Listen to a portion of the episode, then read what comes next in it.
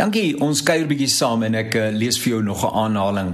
Uh die vlaktes in die reën, die natuur koram dui, die aarde maak haar siel oop voor God. Ek ploeg hierdie week heel week met die dominee van week gepraat het se sê goed.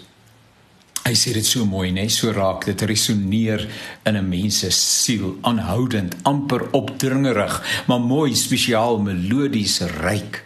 Hy skryf die vlaktes in die reën.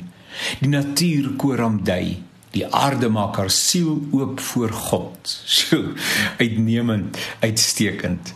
Daar's min dinge so verfrissend soos 'n by reën. Dit het pas 'n paar druppels by ons geval. God kan daar met tuin nat maak net soos geen besproeiingsstelsel dit kan doen nie. Die natuur reageer ook nie op water uit 'n kraan soos op reendruppels uit die lug nie. Reën is 'n mengsel van goddelike sorg, deernis, omgee, liefde, sorg, beloftes. Hy het mos gesê hy sal sorg. Reën is 'n metafoor van God se genade. Dis onverdiend, dis vrypostig, ruim, intens, intiem. Die natuur buig voor die Almagtige as dit reën. Dis in die teenwoordigheid van die Almagtige wees. Die volgende sinnetjie bring my tot stilstand. Die aarde maak haar siel oop voor God. Siel is dit wat hier binne is, dis heilig, persoonlik.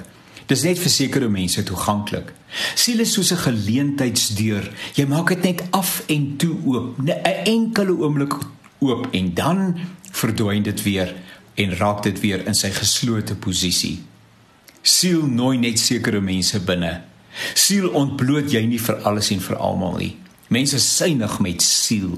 Dit vat lank voordat ek my siel aan jou ontbloot. Moenie met my siel mors nie.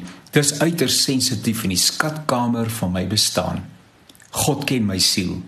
Ek deel my siel met hom. Hy verstaan. Hy verwyd nie. Hy wys nie vingers nie.